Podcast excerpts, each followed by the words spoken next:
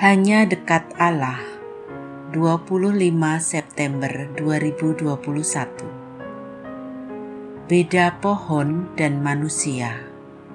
Ayub 14 ayat 7 sampai 22 Karena bagi pohon masih ada harapan. Apabila ditebang ia bertunas kembali dan tunasnya tidak berhenti tumbuh. Apabila akarnya menjadi tua di dalam tanah dan tunggulnya mati di dalam debu, maka bersemilah ia setelah diciumnya air dan dikeluarkannya lah ranting seperti semai. Ayub 14 ayat 7 sampai 9. Demikianlah Ayub memperlihatkan betapa bedanya kematian sebatang pohon dan manusia. Pohon ditebang belum tentu mati, dia masih bisa normal, tinggal menunggu waktu dan sikon yang baik. Sedangkan manusia sungguh berbeda. Dalam ayat 10 sampai 12 Alkitab Bahasa Indonesia masa kini tertera. Tapi bila manusia mati, habis riwayatnya, ia meninggal dunia. Lalu ke mana perginya?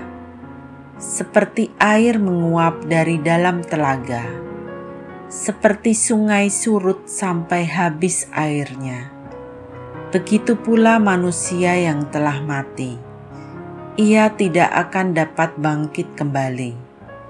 Ia tak akan terjaga selama langit masih ada. Tak pernah lagi bangun dari tidurnya. Pohon mati masih ada di bumi. Manusia mati, raib dari dunia orang hidup. Dia tidak ada lagi. Karena itu, ini hal baik yang kita bisa simak dari Ayub maka aku akan menaruh harap selama hari-hari pergumulanku sampai tiba giliranku. Maka engkau akan memanggil dan aku pun akan menyahut. Engkau akan rindu kepada buatan tanganmu. Ayub 14 ayat 14 dan 15 Dalam pergumulannya, Ayub masih berharap. Dia percaya Allah tidak akan memperhatikan dosanya. Dengan perkataan lain, di dalam hati kecilnya, Ayub percaya bahwa Allah itu baik, lagi adil. Salam semangat dari kami, literatur perkantas nasional, sahabat Anda bertumbuh.